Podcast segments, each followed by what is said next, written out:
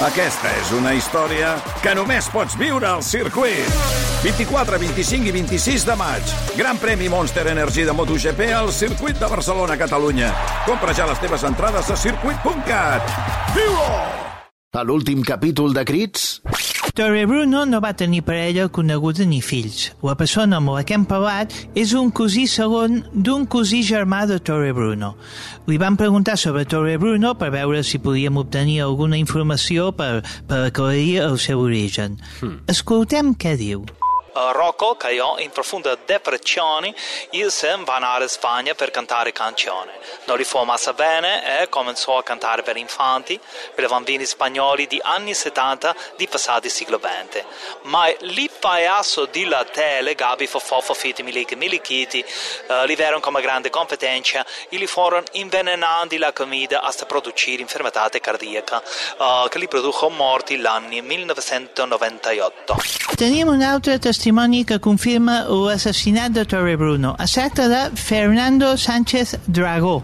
Exactament, el conocido escritor recentment desaparegut. Abans de morir, gràcies a l'amistat que ens unia, vaig poder aconseguir aquest valuosíssim testimoni. Richie, como llamábamos a Torrebruno, los más allegados, me confesó que hacía tiempo que se encontraba mal, concretamente desde que cenó con los celebérrimos payasos de la tele. Endavant, àudio, Fofito, relació mort escabrosa, Torrebruno. ¿Tú quieres saber cómo murió Torrebruno? Sí, un, un saber. Se colgó de un bonsai. ¿Cómo era tan bajito? no n'hi ha més preguntes. La resolució del cas. En relació al cas revisat de la mort de Torrebruno, mm, tenim notícies de les quals els volem informar. Noticias que es poden resumir en una paraula. Exitazo de cojones. Bueno, no, estos son tres palabras que se condensan de un tirón en exitazo de cojones. Així, tot seguidet. Bueno, és una interpretació que tu fas unilateralment, eh, Mire? No, Laureano, és objectivitat científica, coño. Uh, bueno, ens va escriure una persona anònima. Uh, llegeixo l'escrit que ens ha arribat. Llegeix, llegeix, vaig obrint el xampany. Hola, les escribí para decirles que su trabajo de investigación de la muerte de mi cocina y lejano y Torrebruno ha estado un éxito. Vosotros habéis demostrado que Fofito y su familia son unos asesinos con una sangre fría tremenda. Gracias mille, anónimo. Bueno, queda més que demostrat que teníem tota la raó. La nostra teoria és certa al 100%. Uh, bueno, uh, tenim una carta anònima que, que no acaba de ser anònima, Miri, perquè se li escapa que és el cosí aquell del Torre Bruno que vam entrevistar. I està escrita igual com parlava ell, així mig italià. Com? De què parles? El, el que deia que era cosí o no sé què del Torre Bruno, el, el nano aquell italià del psiquiàtric... Deixa estar, la carta està firmada com anònimo. Això és algú que sap del cert el que va passar i ens agraeix la nostra revisió del caso per tal que surti a la llum la veritat. Bueno, bueno, si tu dius... Vinga, porta la copa, va! Xampany! M'agrada que la veritat surti a la foscor. Quiero decir, a la llum. No, a la foscor. Bueno, bueno. RAC més i Òptica i Audiologia Universitària per a joves d'un a 100 anys us ofereixen Crits. Esteu escoltant Crits. un podcast d'investigació criminal. Crímenes, secuestros, robos, palizas callejeras, xenofòbia, maltrato d'animals, abús de género, de menors i de tota mena. Tota la verdad y nada más que la verdad surt a la llum gràcies a... Crits. Amb Emili Solsona. I Laureà Lledó. Crits. Posem foscor a la llum. El martes 11 de septiembre del 2001, siendo las 8 y 46 de la mañana, Estados Unidos sufrió la mayor ofensiva de su historia que culminó con la destrucción de las Torres Gemelas en Nueva York. ¡No puede ser!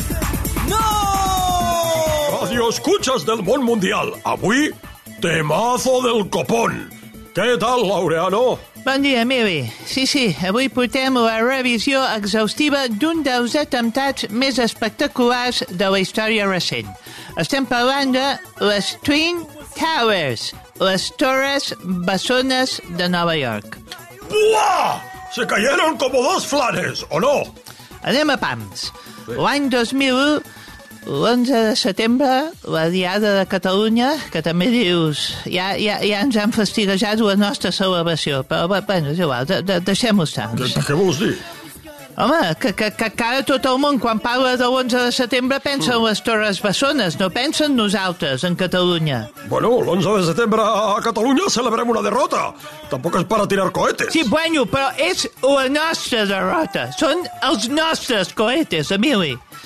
Tu ets catalanista, Laureano. No, no, no, no, sóc català. Vale, vale, vale, vale. Perdó, perdó, però és que l'11 de setembre sempre l'he sentit molt, molt meu. És com una cosa personal, no sé. ¿Personal? ¿He sentit personal? Personal Training Te Pongo Cachas, el millor entrenament personalizado a casa teva i cuando a ti te sale de los huevos. Així és, perquè el Personal Training Te Pongo Cachas és un curs personalitzat telemàtic amb el que pots connectar quan a tu et vagi bé. Un entrenador personal disponible les 24 hores del dia. Hola, sóc el Samuel, el teu personal training disponible en aquest moment. Amb qui parlo? Amb Jaume López. Molt bé, Jaume, despulla't. Per, per, per, què m'he de despullar? Per veure el teu cos i analitzar exactament el que necessites. Ah, vale, vale. Carai, Jaume, estàs molt bé. Vols dir? Jo, jo em veia bastant poca cosa, eh? Sí, sí, estàs fet un trullo. Això vol dir que hem de fer molta feina i això per nosaltres vol dir molta pasta. Per això estàs molt bé. Ah, vale, vale. Personal training, te pongo cachas, perquè posar-te en forma no té preu. Seran 1.500 euros a la sessió, Jaume. Vale, vale. Tornem al tema d'avui, les Torres Bessones. Exacte. Refresquem el que va succeir la, la, la, la, la data de principis de setembre. L'11 de setembre. No, no hi tornem, per favor. Perdó, perdó. Deixem-ho en, en principis de setembre de, de 2001. Un atemptat suposadament islàmic va ensorrar les icòniques torres bessones de Nova York estampant dos avions plens de passatgers. Segons la narrativa oficial i les imatges que van donar la volta al món, un total de gairebé 3.000 persones van perdre la vida en aquest atemptat. Així és, Laureano. Però segons la nostra revisió en profunditat del cas, nos tomaron el pelo como a bendito,s I estem en condicions d'afirmar que l'atentado jamás existió. Mhm. La veritable raó de la caïda de les torres va ser per... Aluminosis. Ya lo habéis oído. ¡Aluminosis!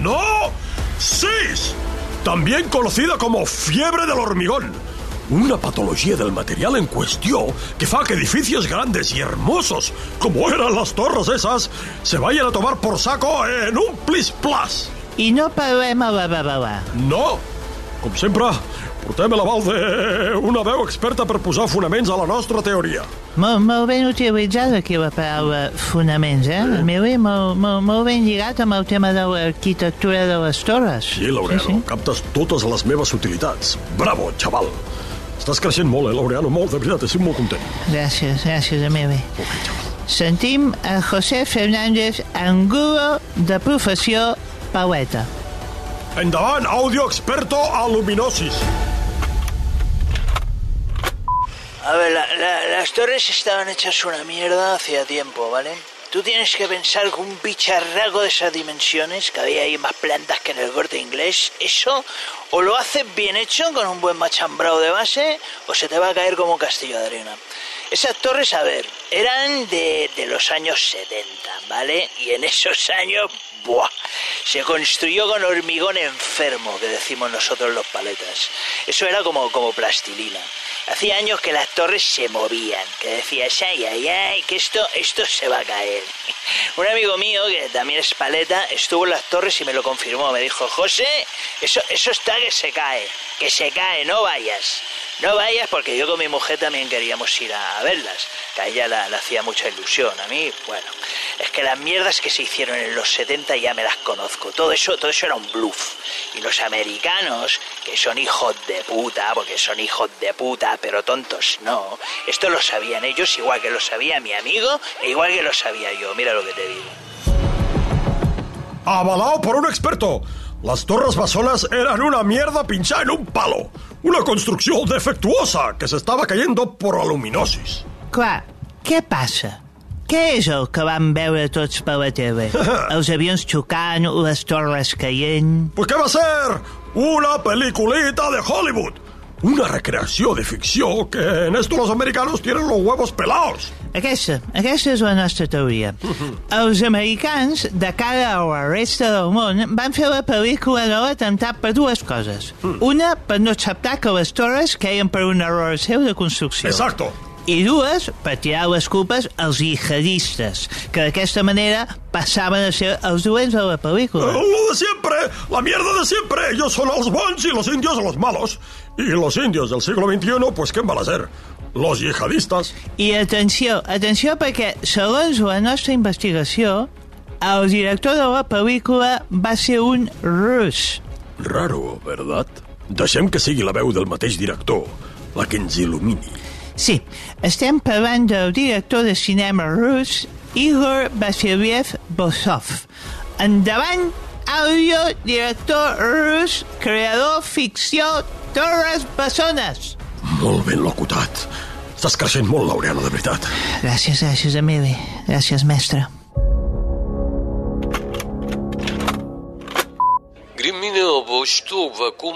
A veure, per on començar? La CIA em va contractar obligant-me a signar un document de clandestinitat absoluta. Era un secret d'estat. Però jo l'estat americà me'l passo pel folre dels testicles. La meva mare pàtria és Rússia. Se'm va demanar que fes una ficció totalment realista, recreant l'esfondrament de les torres i tot el que es va veure milers de vegades per les televisions de tot el món. Res va passar de veritat. Paral·lelament, les torres es van demolir amb la clàssica bola de demolició, perquè estaven a punt de caure per aluminosi. Els americans són tan orgullosos que no podien acceptar haver-la cagat d'aquesta manera. I els islamistes radicals eren els dolents ideals. Bin Laden és un actor molt conegut, americà, per cert. No és pas mort. Tot va ser una camama. I per què jo, us preguntareu? Per què un director rus al capdavant de tot aquest fregat? Perquè si mai s'arribava a descobrir el pastís, sempre podrien dir que la culpa va ser dels russos, que tot va ser una operació orquestada per Rússia per tal de desacreditar els Estats Units. Ho tenen tot pensat. Per cert, sabeu que Joe Biden, l'actual president dels Estats Units, també és un actor?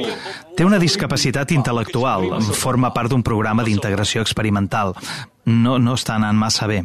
¡Buah! ¡Declaraciones explosivas! Com explosives són les taules de surf la melanita rubia, les taules que et permeten atacar l'onada perfecta. ¡Buah! ¿Cómo surco el mar ondeando mi melenita rubia al viento? Y lo hago con mi tabla, la melenita rubia. Taules de surf la melanita rubia, perquè a part d'un pijo fastigós, també pot ser tot un campió. ¡Hola! Me he cargado un tiburón, un delfino, o algo. I amigos radioescuchas, ens acomiadem de tots vosaltres amb una petita recreació dramàtica de com va anar la trucada del cap de la CIA al director de cinema rus per encarregar-li la ficció de l'atentao de les Torres Bessones. Jo faig el capullo de la CIA i el laureano del director ruso. Hola, ¿está el Boris? ¿Boris? ¿Qué, ¿Qué Boris? El director de cine. Soy yo, pero me llamo Igor. Ah, bueno, ya sabía yo que era algo ruso. Esto, te queremos contratar para una ficción. ¿Ah, sí? ¿Y de qué va? De unos aviones. ¿Te gustan los aviones? No, me da miedo volar. Ah, pues mejor, porque esos aviones se estrellan. ¿Tú has visto Titanic?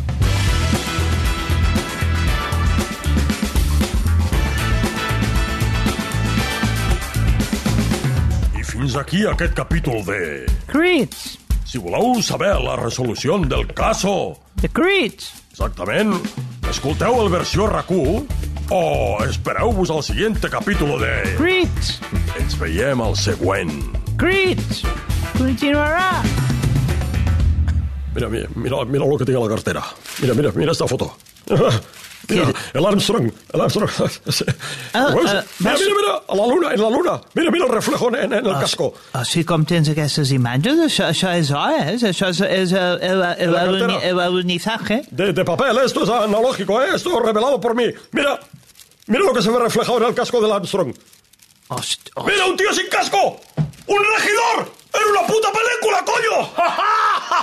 hosti, això, això és la història aquella de que jo havia sentit que l'Stanley No Kubrick van a anar, no van anar a la luna, no van anar a la luna! ho va, dir, ho va dirigir el del 2001 a l'Odissea de l'Espacio, tot el... Sí, mira, sí. mira, ve la foto. El tío que lleva... Este es el regidor. Mira, mira, al fondo, al fondo de todo. Mira, aquí. aquí. Però se li veu el camp... ¿Quién es ese? De las camp- greñas y la barba. ¿Quién es? Sí, ¡El Kubrick! però no té el cap com molt, molt gros? Sembla com si fos també com, com un cap fals, això, no? Sí, bueno, bueno, pues, no ho sé, em fa aquesta... una- No, això, això són efectos de la òptica que se veia servir en aquells moments, de, de forma. Tu, perquè no en saps de, de, de audiovisual, però de forma. Però estas fotos solo las tengo yo y un, y un tío de, de la CIA que ja es va morir, un general que ja està mort.